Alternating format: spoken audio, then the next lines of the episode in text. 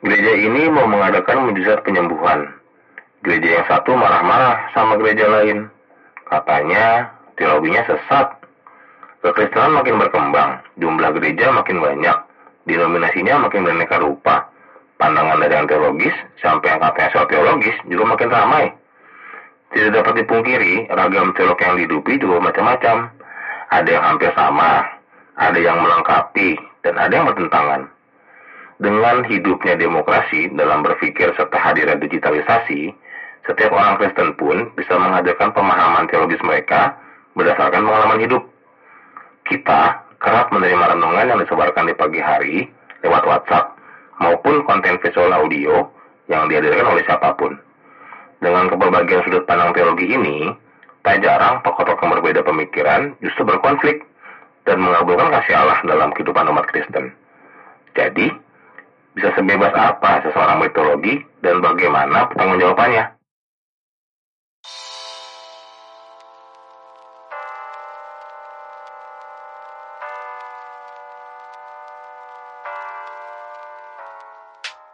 Hai Ignat Triple, selamat datang di Ignat GKI Podcast, media pemuda GKI untuk saling berbagi karena sharing is caring.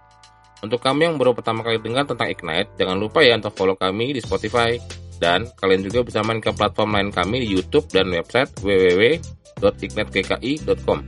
Supaya tetap update dengan info dari kami, di follow juga Instagram kami at ignite.gki. Kalau kalian mau ikut berkontribusi, langsung DM kami ya. Episode kali ini dengan saya Aldo dari GKI Tamar Bekasi. Kita akan ngobrol dengan pendeta Daniel K. Gunawan dari GKI Coyudan Solo tentang berdemokrasi dalam berteologi. Hai Ignat People, welcome back to Ignat Podcast, media pemuda GKI untuk saling berbagi cerita dan ide. Karena kami yakin sharing is part of caring. For you, the new listener in, the, in this podcast, please langsung aja follow di Spotify dan jangan lupa juga untuk follow Instagram kami di ignat.gki. Supaya teman-teman tetap mendapatkan update dari konten-konten terbaru uh, dari Ignite dan jangan lupa juga subscribe juga YouTube channelnya supaya dapat inspirasi aransemen lagu-lagu. Kalau mau baca-baca artikel, boleh cek di websitenya uh, www.ignetgki.com. Oke, kali ini bersama saya Aldo Hermansyah dari GKI Camar, Bekasi. Kita akan ngobrol-ngobrol uh, bersama Eh, Bapak Pendeta Daniel K. Gunawan yang melayani Jemaat di GKI Coyudan Solo. Kita akan membahas seputar berdemokrasi dalam berteologi. Halo Kak Daniel. Hai hai. Iya. Apa kabar Du? Sehat puji Tuhan. Gimana Kak kabar Kak? Sehat, sehat di Tuhan. Di sana PSBB ya? Masih. PSBB Kak, betul. Gimana uh, kesibukannya nih selama eh, masa apa ya kita bilang ya pandemi inilah lebih berat atau lebih banyakkah ketimbang sebelum pandemi? Yang berat tuh apanya do? Hah? Berat kehidupannya kak maksudnya. Kalau apa ya? Ya pasti uh, bosen sih karena hampir sebagian besar waktuku di rumah. Hmm. Iya, iya, Meskipun iya. Uh, kerjaan sih ya ya agak berkurang dari biasanya. Tapi sekarang ini mulai agak sibuk lagi nih karena sudah masuk masa-masa new normal ya. Jadi mm -hmm. sekarang semua tuh orang udah kayak terbiasa dengan pola baru uh, rapat meskipun online makin mm -hmm. jadwalnya terus uh, nyiapin renungan uh, audio dan itulah ya begitu tugas pendeta. Oke, kita siang ini kita mau uh, ngebahas seputar berdemokrasi dalam berteologi nih. Yes, yes, jadi, yes. jadi beberapa waktu lalu itu ada dua pendeta besar yang ramai diperbincangkan karena perbedaan teologi. Awalnya pendeta yang pertama berkata bahwa dirinya diminta untuk menghentikan wabah pandemi Lalu dia menyatakan bahwa diberikan nubuat lagi oleh Tuhan Yesus untuk mengajak semua seluruh umat berdoa menangking wabah COVID-19. Di sisi lain, pendeta kedua mengkritisi pendapat pendeta yang pertama dan menyatakan bahwa ujaran pendeta pertama tersebut sesat. Nah, perbedaan kompleks ini nih menimbulkan banyak teologi lain juga saling mengkritiki yang lain. Bagaimana sih menurut pandangan dari Kak Daniel akan fenomena ini dan adakah diskusi dalam dalam lingkup pendeta maupun teolog GKI akan fenomena ini, Kak? Uh, ya respon-respon gua sih pertama ya sedih ya do ya.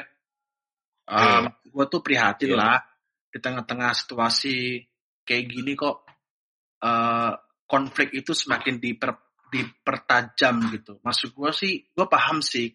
Uh, kan gue juga sempat lihat kan hmm. apa yang diributkan tuh apa gitu. Pendeta A um, mengkritik sebenarnya mengkritik uh, aliran gereja sebelah, terus kemudian yang yang sebelah juga nggak terima dong dikritik gitu ya. Hmm.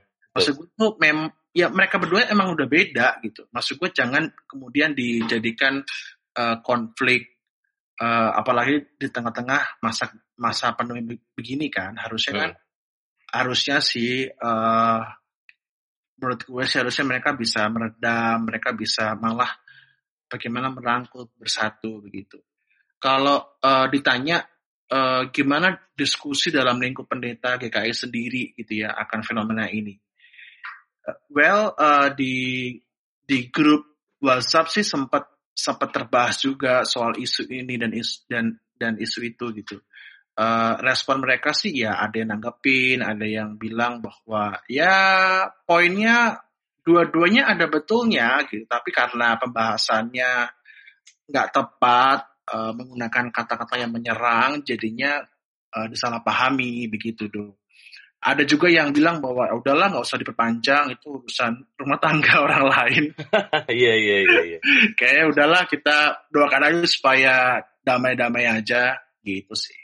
Berarti uh, uh, dengan kata lain ada miskomunikasi ya di antara dua kita bilangnya apa nih dua dua kubu kali ya atau terlalu terlalu ini ya antara dua dua pendeta ini mungkin ada kesalahpahaman kali ya Sebenarnya sih bukan bukan salah paham sih. Menurut gua masing-masing udah punya uh, cara berpikir dan teologi yang berbeda gitu. Yeah.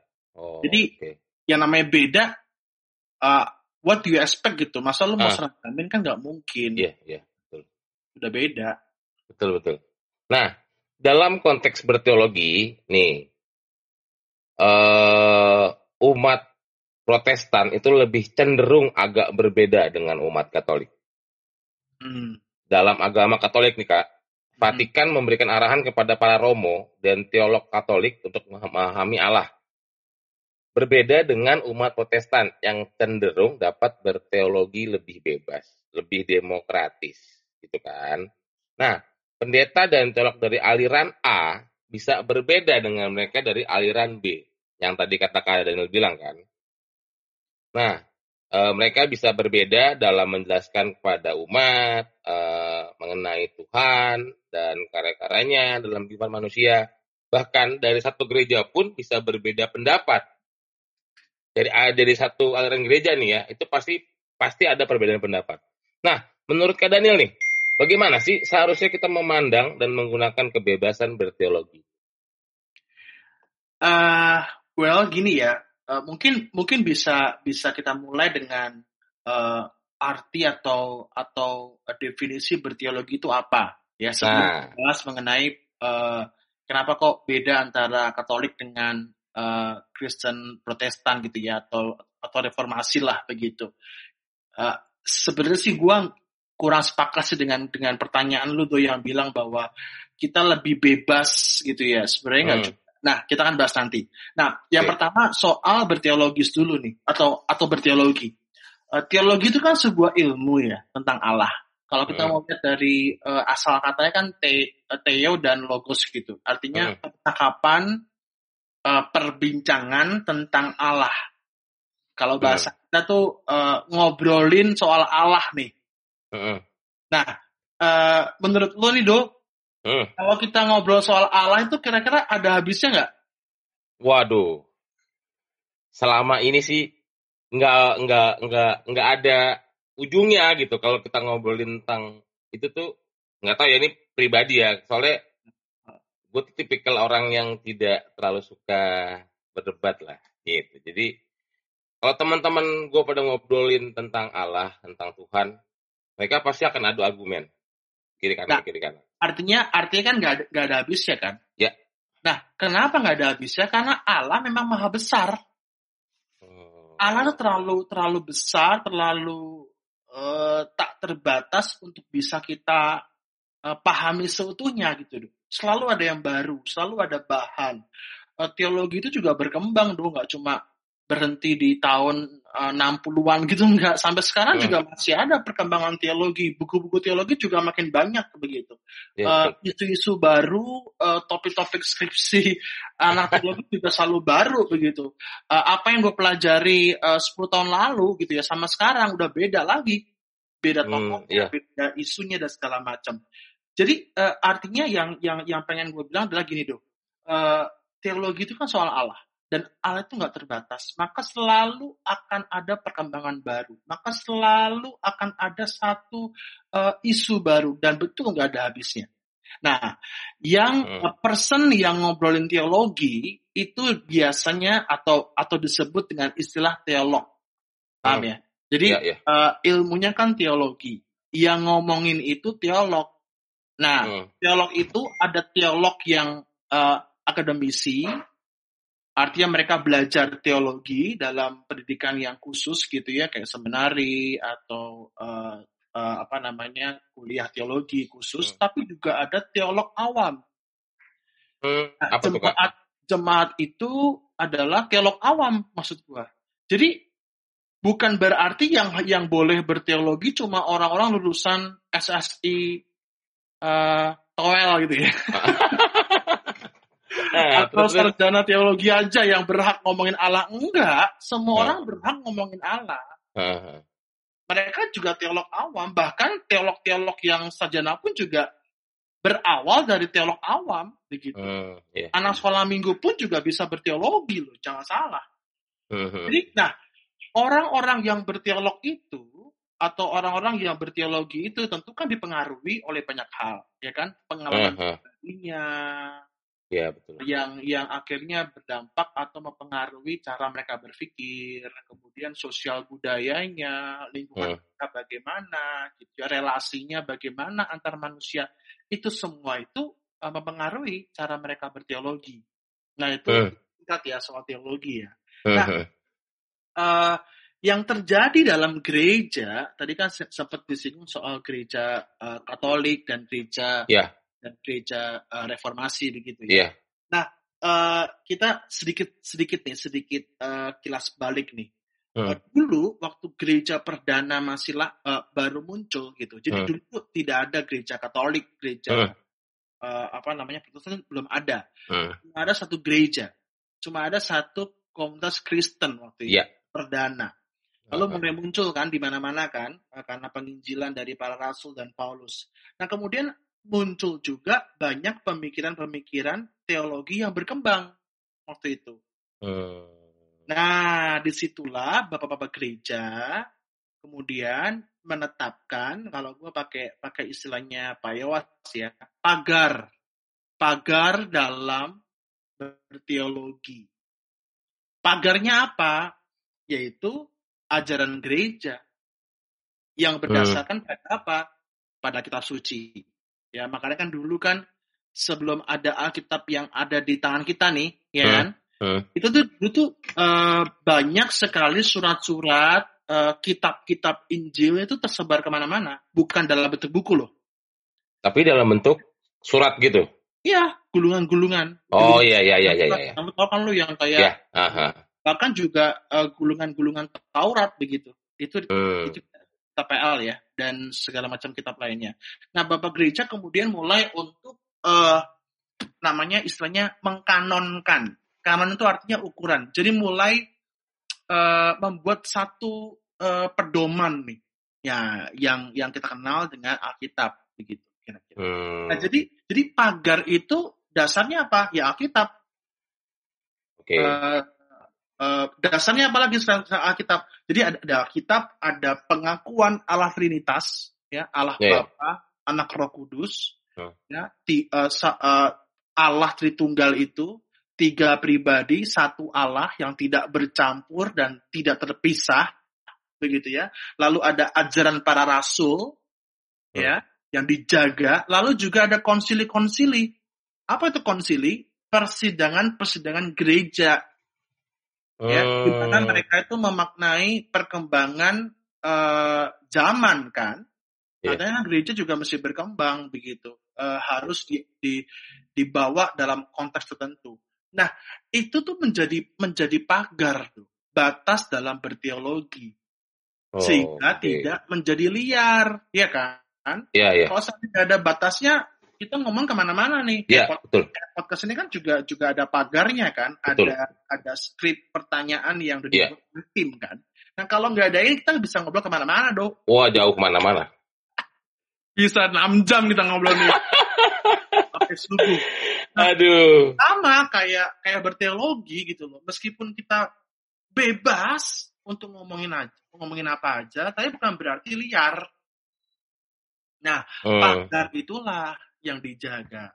Nah sekarang soal uh, uh, apa namanya uh, fenomena nih uh, atau atau soal keadaan di gereja Katolik dan gereja Protestan gitu ya.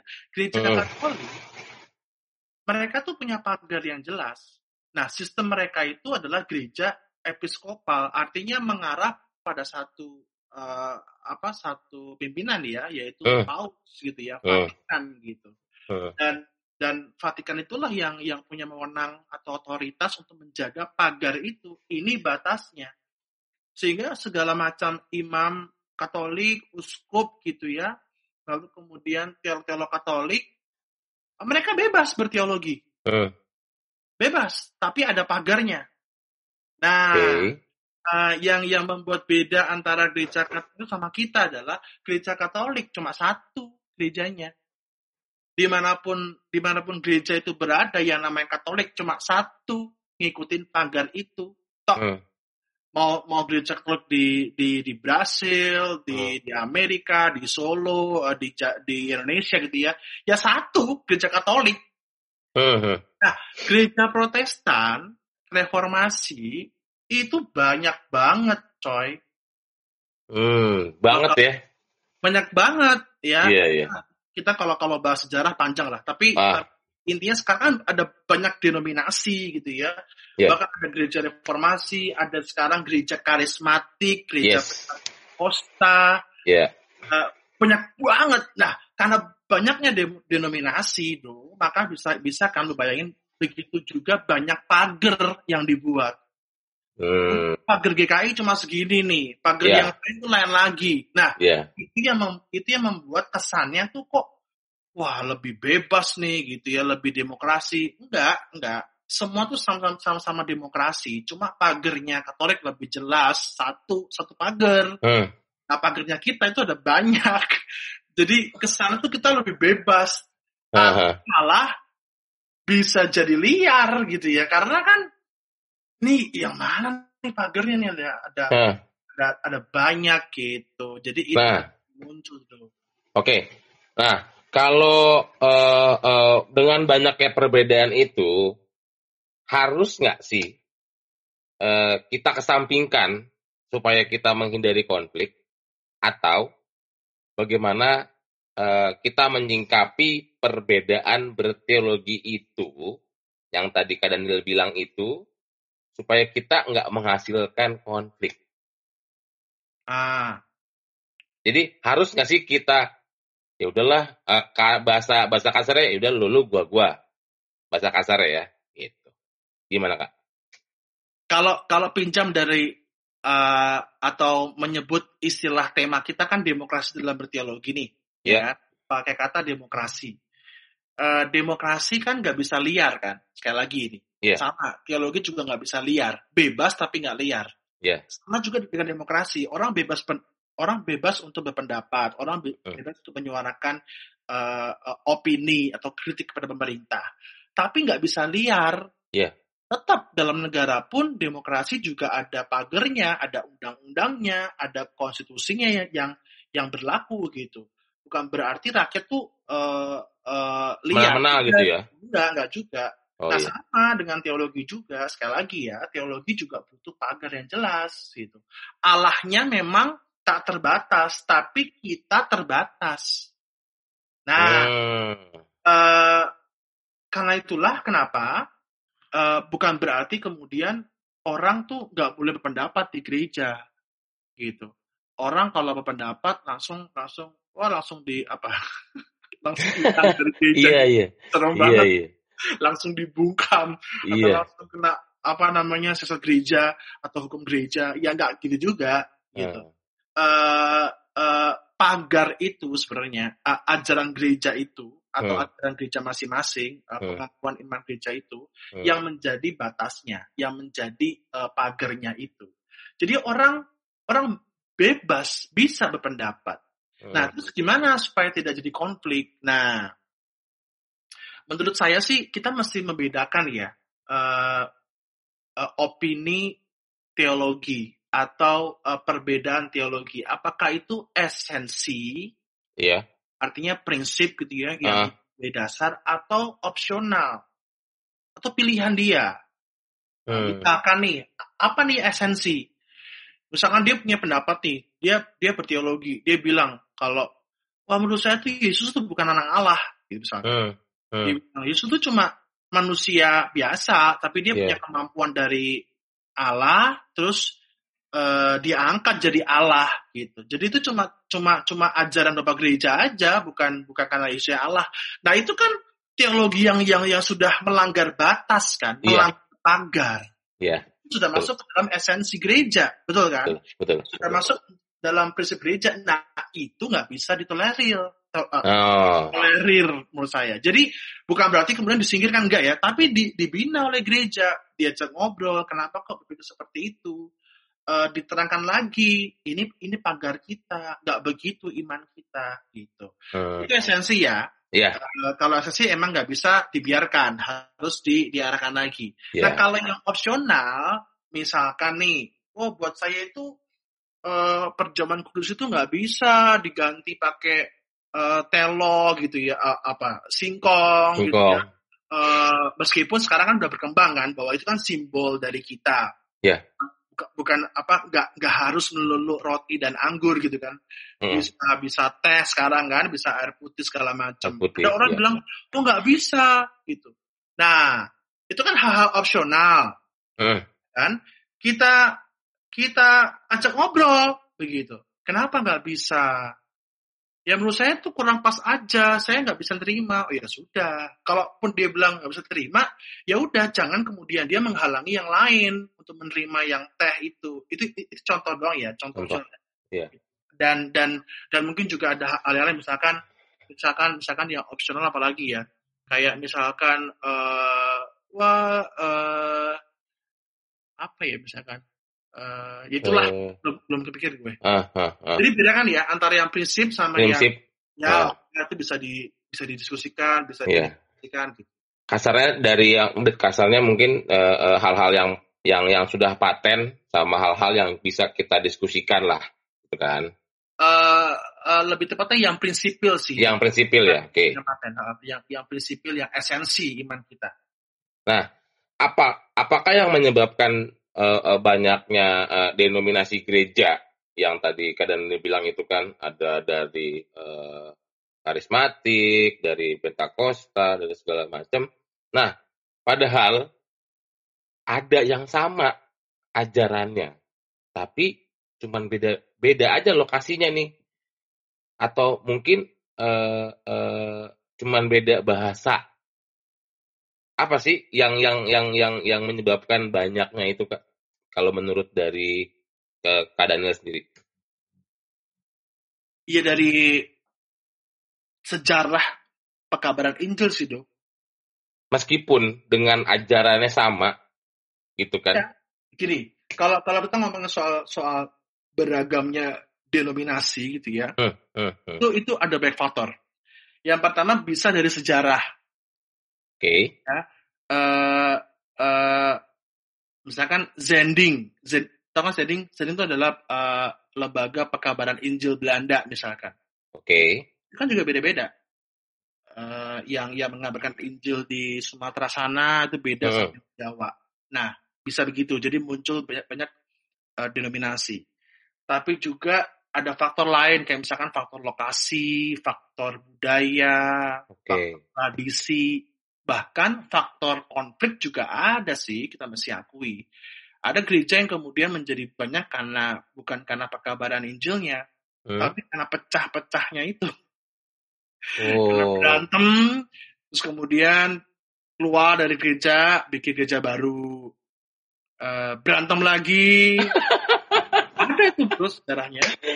Aduh, berarti berarti berarti uh, uh, uh, perpecahan itu bisa terjadi mungkin karena perbedaan teologi. Oh bisa. bisa. Liturgi, praktek dan uh, sudut pandang dari uh, berbagai uh, orang itu itu memungkinkan berarti ya? Mungkin sekali. Oke. Okay. Makanya makanya sekarang kan dicegah. Yes. Uh, ya kita kan bahas nanti dah di akhir deh dengan gerakan uh. ecumenical uh, atau gerakan kesatuan gereja. Gitu. Berarti uh, apa sih yang kira-kira nih ya? Apa sih yang yang kira-kira yang perlu kita lakukan supaya perpecahan itu tidak terjadi dalam lingkup jemaat, eh, klasis, sinode wilayah. Eh, contoh nih, contoh nih ya, contoh nih. Suatu gereja eh, di gereja A ada orang yang eh, merasa ibadah online itu harus dilaksanakan dengan liturgi yang ngeplak-plak sama percisnya dengan ibadah yang ada di gedung gereja. Oke. Sedangkan ada beberapa orang juga yang merasa ibadah orang itu lebih efektif dengan liturgi yang lebih padat. Nah, bagaimana menurut Kak Daniel yang agar yang dilakukan supaya perpecahan antara kubu tidak menjadi besar?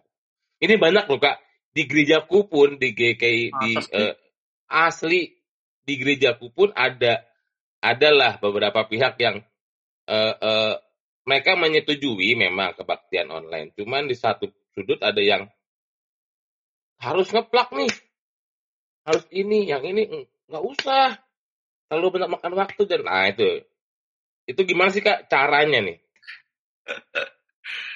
uh, menurut gua sih hmm.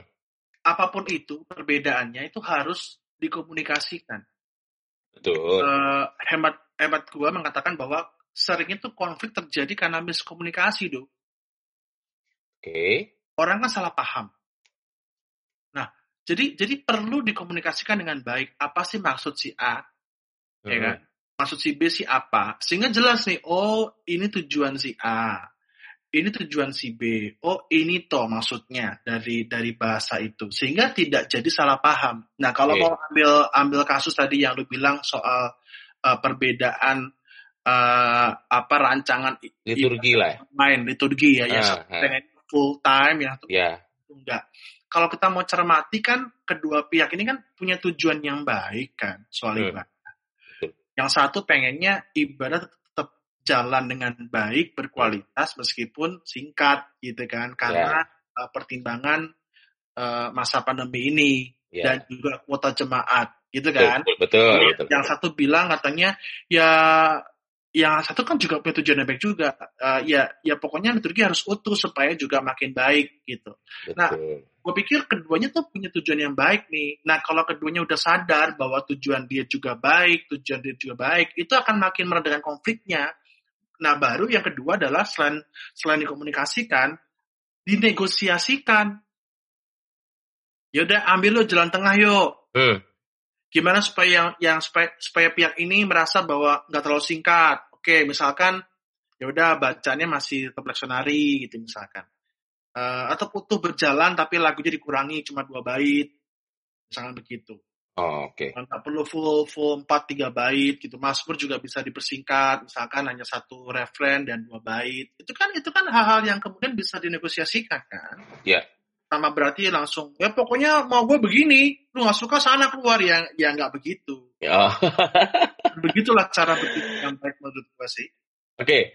dalam pengambilan sebuah keputusan nih, ya kan, uh, uh, nggak bisa kita pungkiri bahwa ada pemikiran-pemikiran yang mungkin uh, uh, berdasarkan uh, pemahaman dari teologi hmm. atau bahkan ego dari suatu kelompok atau individu ya, ya kan. Uh, kadang pengambilan keputusan itu pun diwarnai dengan perbedaan satu sama lainnya. Contoh, uh, kemarin karena uh, uh, sempat baca nggak uh, kasus jumlah kasus COVID-19 yang tertinggi di negara kita Indonesia itu menyentuh di angka 900 hampir 1000 lah nah, iya. per hari. Ya. kan? Ada orang yang berpendapat bahwa sebaiknya proses produksi mengurangi keterlibatan banyak orang dalam pertemuan langsung, yaitu kayak PSBB yang sudah kita jalankan ini kan. Ah. Um, bahkan uh, kita bisa kok syuting sendiri-sendiri di rumah gitu kan. Tapi ada yang bilang enggak, jangan. Jadi mereka tuh ya tadi uh, konsepnya sama intinya ya, tapi mereka maunya hasilnya maksimal, jumlah orangnya harus sama dengan real, harus ini harus sama gitu. Nah, kita meyakini nih bahwa kedua sudut pandang orang uh, uh, sudut pandang kedua belah pihak itu sama-sama baik. Uh -uh. Oke. Okay? Yep. Gimana sih pengambilan keputusan yang layak dan tepat dalam kehidupan bergereja di GKI menurut Kak Daniel? Hmm. Bicara soal pandemi ini ya, Do, ini kan kita kan dalam dalam masa-masa pandemi ya. Hmm. Kan masa yang memang kita nggak bisa main-main nih. Uh, menurut saya uh, gereja juga harus berdasarkan pada prosedur standar dari lembaga kesehatan yang yang berwenang gitu. Uh, bukan soal mau gue begini, maunya begitu, bukan soal mau kita, tapi lebih kepada ini nih ancamannya kematian nih gitu kan. Yeah. Kehidupan kita nih yang jadi ancaman nih. Nah karena itulah kalau kalau kalau gue mengutip dari uh, perkataannya pendeta Yawas ya yang sudah mm -hmm. dalam dalam uh, webinar yang gue ikutin dia ngomong gereja tuh harusnya life giving bukan mm. life return returning itu jadi artinya gereja tuh harusnya uh, memberi kehidupan bukan malah mengancam kehidupan life giving bukan life returning dan gue sepakat dengan apa yang dibilang oleh Pak Yawas sih uh, dalam hal syuting misalkan -hmm. uh, sekarang syutingnya aja ada banyak PNJ-nya atau singernya banyak dan mereka tuh beripit-ipitan. Ya, itu juga. Itu juga juga resiko kan? Yeah, benar. Uh, oke okay lah mungkin mungkin bagus nih kualitas online-nya. Hmm. Tapi orang-orang pelayan gerejanya terkena COVID semua. Nah, ya, jadi sama aja kan? Jadi berkat gak kira-kira? Kemarin gue lihat di di apa di berita portal berita mana yang bilang bahwa di Batam Ya. Itu ada klaster baru, klaster gereja online katanya. Hmm. Jadi para pelayan yang syuting online hmm. itu waktu dites mereka reaktif. Waduh. Paham kan maksud gue kan? Jadi terserah mau mau mau syuting dari rumah masing-masing itu lebih baik karena kita punya konsep berbeda ya. Kalau kalau di Solo kan bukan PSBB ya, di Solo kan masih KLB. KLB. Jadi Solo masih masih boleh keluar rumah kalau ada keperluan jaga jarak, pakai masker dan dan kebersihan tangan gitu kan misalnya. Hmm. Jadi kalau konteksnya Solo, gereja gue sendiri, GKI Trayudan, kita tetap hmm. ada live streaming. Hmm. Tapi betul-betul dibuat protokol yang baik, misalkan masuk gereja diukur suhunya buat setiap pelayan uh, yang yang terlibat, terus kemudian harus pakai hand sanitizer, pakai masker. Hmm hmm. yang masuk. Kemudian uh, kita bilangnya PNJ ya atau singer ya, itu hmm. cuma dua orang dan berjarak bisa bisa dilihat di di YouTube-nya gereja GKI Cayudan. Hmm. Hmm. Berjarak berdua, lalu ya mem yang mem musik juga cuma berdua, berjauh-jauhan, penakut hmm. cuma dua, berjauh-jauhan, cuma satu hmm. dan ibadahnya pun juga tetap liturginya lengkap tapi dipersingkat kayak okay. dua bait segala macam okay. uh, uh, ibadah kita nggak lama-lama sejam selesai terus pulang semua jadi okay. yang terpenting adalah bukan soal ya oke okay lah kita perlu juga membuat ibadah online yang juga bagus gitu ya tapi sekali lagi prinsipnya jangan sampai itu mengancam kehidupan para pelayannya gitu. Hmm. Betul, betul. Nah, it, ah, benar, benar. Setuju, setuju. Kalau setuju.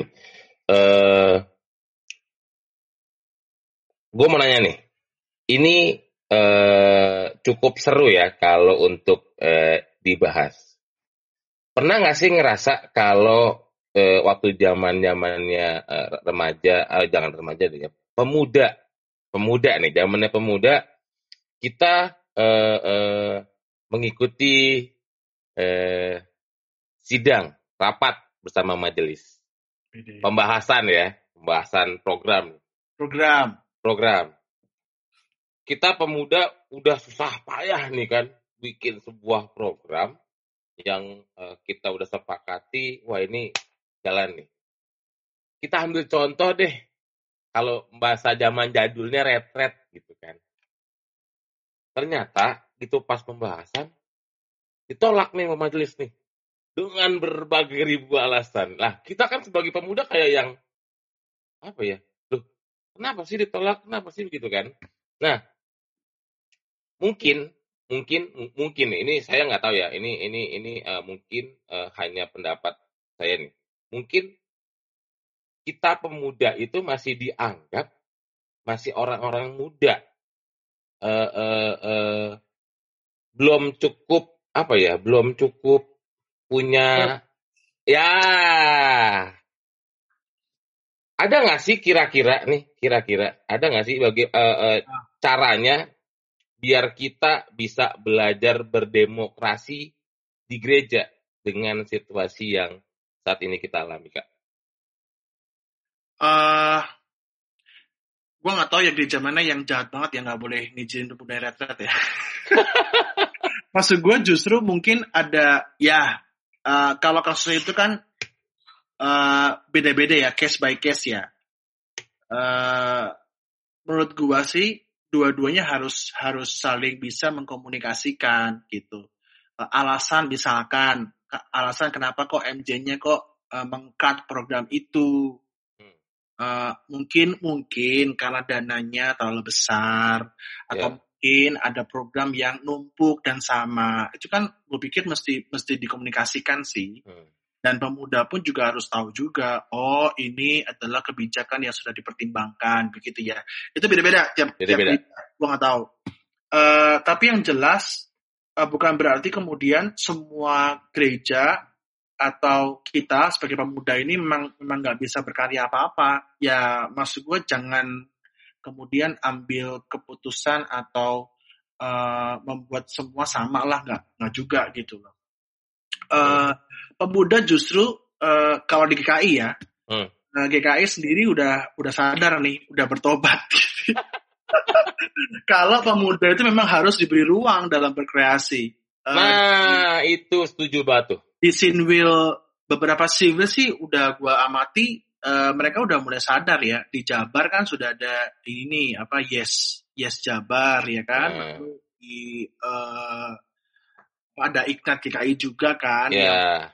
semua sinbil di sinbil gua sendiri sinbil Jateng sendiri sudah mulai uh, di di apa di diperdengarkan atau atau diberi ruang nih pemuda buat bersuara di sidang sidang sidang sinode wilayah waktu itu. Oh gitu. Udah diundang mereka bahkan ada namanya prasidang ya. Kalau kalau oh. kita ada prasidang sinbil itu diundanglah para pemuda buat mendiskusikan, buat dengar apa suara mereka, lalu dibawa ke persidangan uh, gereja. Oh, Oke. Okay. Lalu uh, sudah mulai muncul penatua-penatua baru yang muda-muda loh, bro. Udah, nah. udah, udah mulai banyak ini penatua muda. Bener, bener. Uh, menurut gua GKI uh, udah oke okay banget ya. Mereka udah mau terima pemuda masuk di ranah kepemimpinan gereja sebagai penatua. Yeah suara mereka pun juga didengar. Yeah. Nah, uh, perbedaan generasi sih yang senior dan dan pemuda ini kadang-kadang nggak semua uh. ya, kadang-kadang bikin konflik kecil lah. Uh, yeah. yang yang pemuda mungkin pengennya lari, tapi yeah. yang, yang yang senior pengennya ya, bu, ya jangan lari-lari, pelan-pelan yeah. pelan-pelan dulu lah. Ini kan jemaat kan nggak terbiasa. Maksud gue tuh keduanya tuh bisa bisa saling berkolaborasi. Bisa dibikin balance lah ya. Iya, bisa saling berkolaborasi. pemuda mungkin mungkin oke okay lah punya semangat, punya mm -hmm. inovatif, bikin ini, bikin itu. Tapi uh, yang gue lihat mm. dan yang gue alami juga nih sebagai yeah, yeah. nih, kadang-kadang tuh kita pengennya cepet. Iya. Yeah. Kita pengennya instan.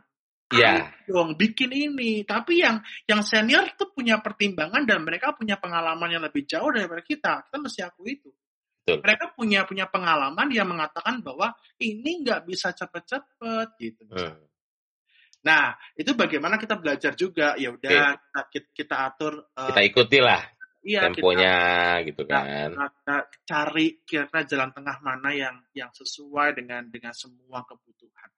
Nah, ini gitu. mau gue mau sharing sedikit. Jadi uh, uh, masih di di bahasan pemuda nih.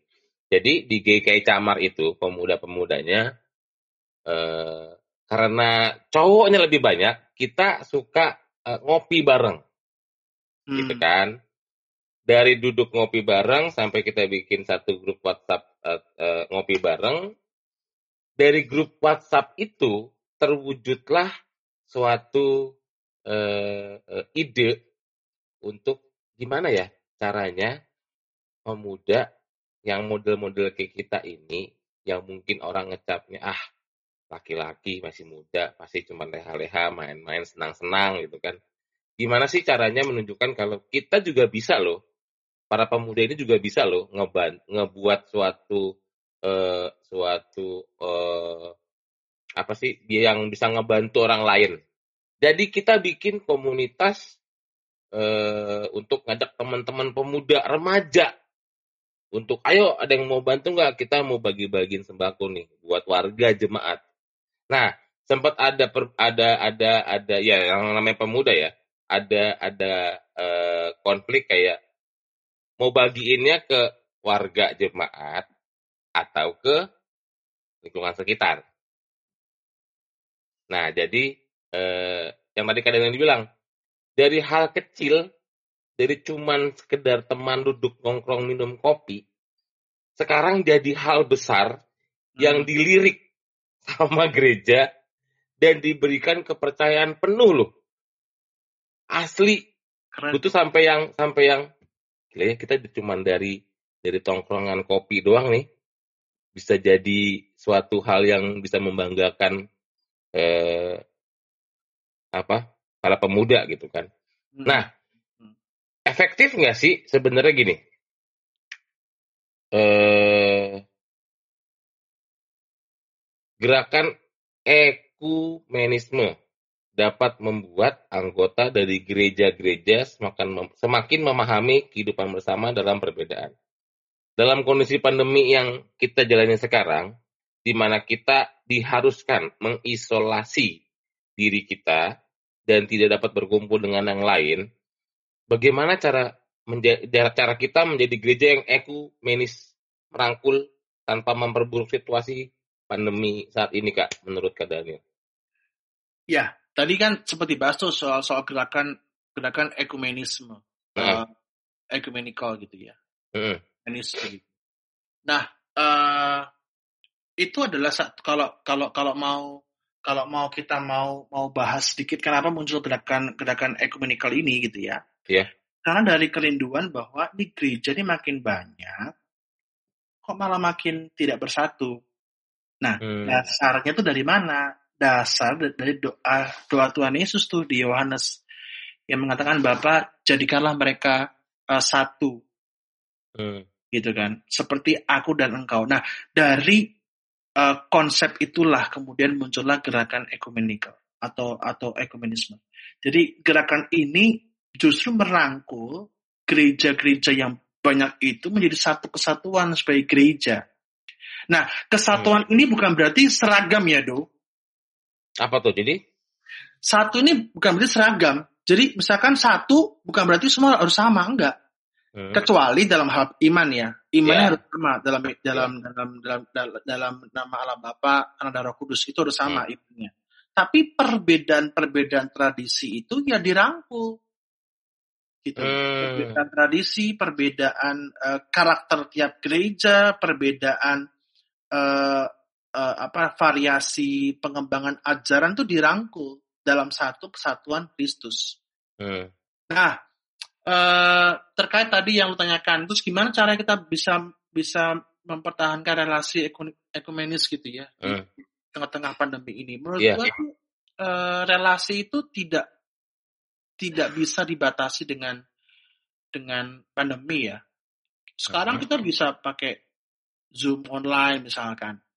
Uh, kayak sekarang nih kita kan podcast pakai pakai pakai aplikasi kan. Hmm.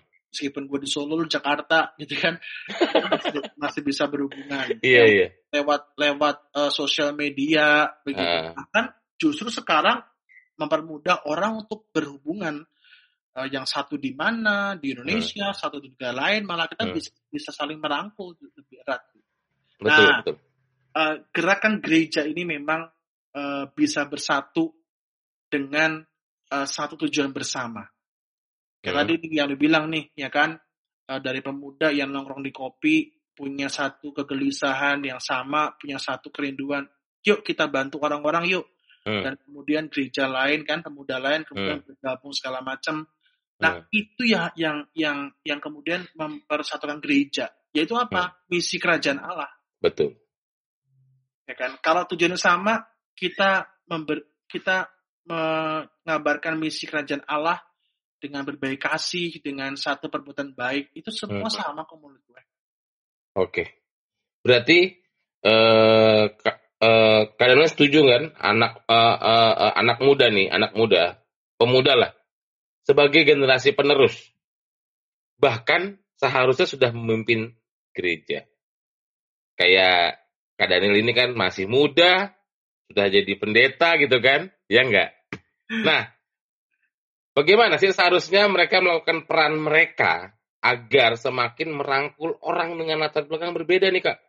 Bahkan generasi yang berbeda, yang tadinya, yang tadi kalian bilang, uh, uh, dulu ada gap antara pemuda dengan uh, uh, generasi yang lebih uh, tua nih.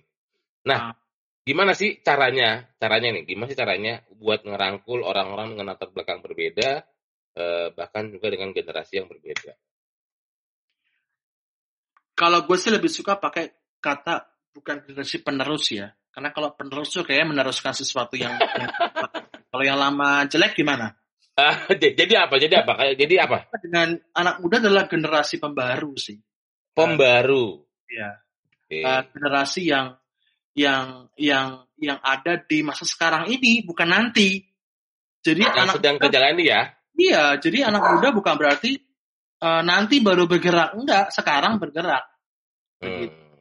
Uh, sekarang tuh pemuda diberikan ruang yang bebas nih atau atau ruang yang yang yang cukup mumpuni lah di dalam gereja yang gua yang gua mati ya di KI ya. Hmm. Uh, secara umum ya. Jadi artinya adalah ya udah gunakan ruang itu dengan baik okay. Bagaimana dengan dengan merangkul mereka yang berbeda, generasi berbeda? Gue percaya bahwa anak-anak muda sekarang itu uh, punya karakteristik yang toleran, gitu hmm. ya. Uh, generasi teori generasi mengatakan bahwa generasi sekarang itu generasi yang mampu merangkul perbedaan yang ada. Oke. Okay. Uh, kayak sekarang kan lagi ini uh, uh, Black Black Lives Matters gerakan anti rasis di Amerika. Ya, betul, kan betul, kan kebanyakan anak muda semua yang bergerak gitu. Betul. Ya kan? Karena mereka betul. sadar bahwa ini rasis gitu. Iya. Enggak uh, sebaiknya begitu dan mereka semua bersuara kan. Betul. Hampir semua anak muda gitu. Terus anak orang muda. tua orang tua juga akhirnya mulai mulai ngikuti. Nah, nah itu yang itu yang hmm. yang yang gue percaya sih bahwa kita punya kekuatan sih di situ. Uh, tapi bukan berarti liar sekali lagi ya Nah, ya, jadi patoknya ada lah ya. Ada pagarnya, ya, betul, betul. gitu loh. Ada uh, apa? Ya, jangan sampai kita menjadi anak muda yang kemudian uh, apa ya melupakan uh, akar gereja kita gitu loh. Uh -huh. uh, uh, bukan berarti kemudian uh, apa yang yang kita yang kita anggap keren pokoknya harus ada nih di gereja kita. Uh. Jadi ya, kayak ego ego lah ya. Uh, iya iya. Uh karena nggak semua itu bisa pas dengan konteks dan situasi gereja kita. Betul. Akan kita lihat nih gereja di sebelah, kok keren ya Iya. Uh, apa namanya mimbarnya itu uh, sangat simpel gitu ya. Uh. Ada ada lampu-lampu uh, yang banyak segala macam gitu ya. Kayak keren, gerejanya hmm. gelap, lalu muncul smoke apa asap-asapnya gitu. buat yuk. Ya nggak gitu kan. ya itu sesuai nggak sama sama tradisi gereja kita. Nah, sesuai nggak sama kebutuhan gereja kita. Jadi mesti mesti mesti juga harus harus belajar. Betul lah, anak muda GKI khususnya ya karena kita uh. podcast GKI ya. Uh. Uh, cobalah untuk nggak coba sih harus belajar mengenal tradisi gereja kita. Oke. Okay. Jangan langsung udah bilang ha lagu NKB KJ basi gitu ya. Uh, gak usah lah pakai itu lagi. Cobalah uh. kenalin lo. Dulu soalnya gue pernah ada di posisi itu do, ya kan. Oke. Okay. Kan dulu sebagai sebagai ya kan pengurus remaja kan kadang-kadang kan, aduh uh, bosan banget lah bosen. KB susah gitu kan pakai aja lagu-lagu populer gitu yeah. berpikir bahwa gitu tapi sekarang semakin gue kenali mengenali tradisi gereja kita semakin mengenali uh, uh, apa namanya ciri khasnya GKI gitu ya hmm. indah juga kok megah juga kok dan itu bisa dikreasikan dengan baik kok. Ya kan? Jadi nggak nggak semua harus dibuang sih menurut gue. Nah nih dalam Ignat GKI baik dalam artikel yang tertera pada websitenya ignatgki.com maupun podcast yang sekarang Ignat People dengar ini, banyak anak muda, baik yang berasal dari Sinode GKI, ada GKJ, GPIB, HKBP, GBI, JPCC, GMIT, dan gereja-gereja lain nih, yang turut berkontribusi menyampaikan pemahaman mereka tentang Allah ada sebagian dari mereka yang belajar teologi lewat pendidikan formal. Ada pula yang berasal dari latar belakang pendidikan psikolog, hukum, ekonomi, teknik, sosial, dan yang lain-lain. Ada nggak sih saran dari Kak Daniel buat mereka yang sudah berkontribusi maupun yang tertarik nih kira-kira untuk berkontribusi agar dapat menyampaikan pengalaman mereka akan Allah secara tepat melalui media Ignite ini? Nah, kalau gue sih melihat media iklan itu udah menjadi media ekumenis gitu ya, ekumenik. Mm -hmm. Artinya artinya menjadi media dari suara kesatuan gereja, khususnya anak, -anak muda. Oke. Okay. Ya. Kita kan sadar bahwa ada begitu banyak anak, muda yang berasal dari berbagai denominasi, berbagai tradisi, berbagai ajaran. Nah, terus gimana sih cara mereka menyampaikan itu? Lalu eh, bagaimana uh, kalau kita pakai menyampaikan pengalaman mereka akan Allah secara tepat gitu ya. Hmm. Menurut gue kalau itu menyangkut dengan pengalaman pribadi mereka hmm. itu itu nggak bisa kita batasi sih karena itu kan subjektif ya. Yeah. Iya. Uh, pengalaman mereka yang mereka sampaikan, tapi tetap sekali lagi kita punya pagar nih dalam ignite. Okay. Artinya uh, jangan sampai itu melanggar uh, prinsip dasar beriman kita. Hmm tetap kembali kepada Alkitab sih menurut gue. Uh, apakah pengalaman kita, apakah tulisan kita di uh, Ignite, apakah uh, podcast kita atau hmm. pendapat kita tuh sesuai nggak dengan kebenaran firman Tuhan? Itu yang pertama tuh. Hmm. Uh, lalu sesuai nggak dengan pengakuan iman gereja? Hmm. Ya kan, jangan sampai yeah. ngawur. Sama terakhir nih, mesti berpikir kritis. Oke. Okay ya itu penting tuh jangan asal terima caplok gitu ya tapi perlu dikritisi lagi hmm. uh, uh, pemuda kita harus harus belajar kritis gitu nggak nggak semua langsung dicaplok diterima diamini gitu ya uh, hmm. kan bisa, bisa bisa jadi loh yang yang kita dengar dari mana tuh bisa ngawur makanya kembali dikritisi lagi nah dengan filternya apa uh, firman Tuhan dengan filternya apa pengakuan iman kita Oke. Sama sama uh, apa namanya memegang prinsip uh, menghargai dan menyadari keberadaan hmm? gereja lain. Gitu. Oke. Jadi nggak bisa. Oke. Nggak gitu. gitu. Oke. Nah, sampai kita nih di penghujung ya, di closing nih. Nah, gini. ada nggak sih uh, uh, uh, uh, pesan dari Kak Daniel pesan dari Kak Daniel untuk uh, para pemuda atau untuk uh, pembahasan kita siang hari ini uh, tentang berdemokrasi dalam berteologi yang mau disampaikan lain? Yang pertama adalah teman-teman uh, teologi itu sangat luas gitu ya. Karena karena Allah yang tak terbatas itu maka uh, akan muncul sekali banyak ajaran teologi, akan akan muncul muncul sekali banyak pemikiran teologi. Nah, kita terbatas, teman-teman. Nah, karena itulah uh, dalam berteologi nih, teman-teman, uh, kita harus ingat bahwa kita itu berada dalam uh, tradisi gereja masing-masing. Kita ada pagar, kita ada ada ada ada firman Tuhan, ada ajaran gereja, ada pengakuan iman kita. Uh, itu yang menjadi patokan kita agar kita tidak menjadi ngawur dalam berteologi.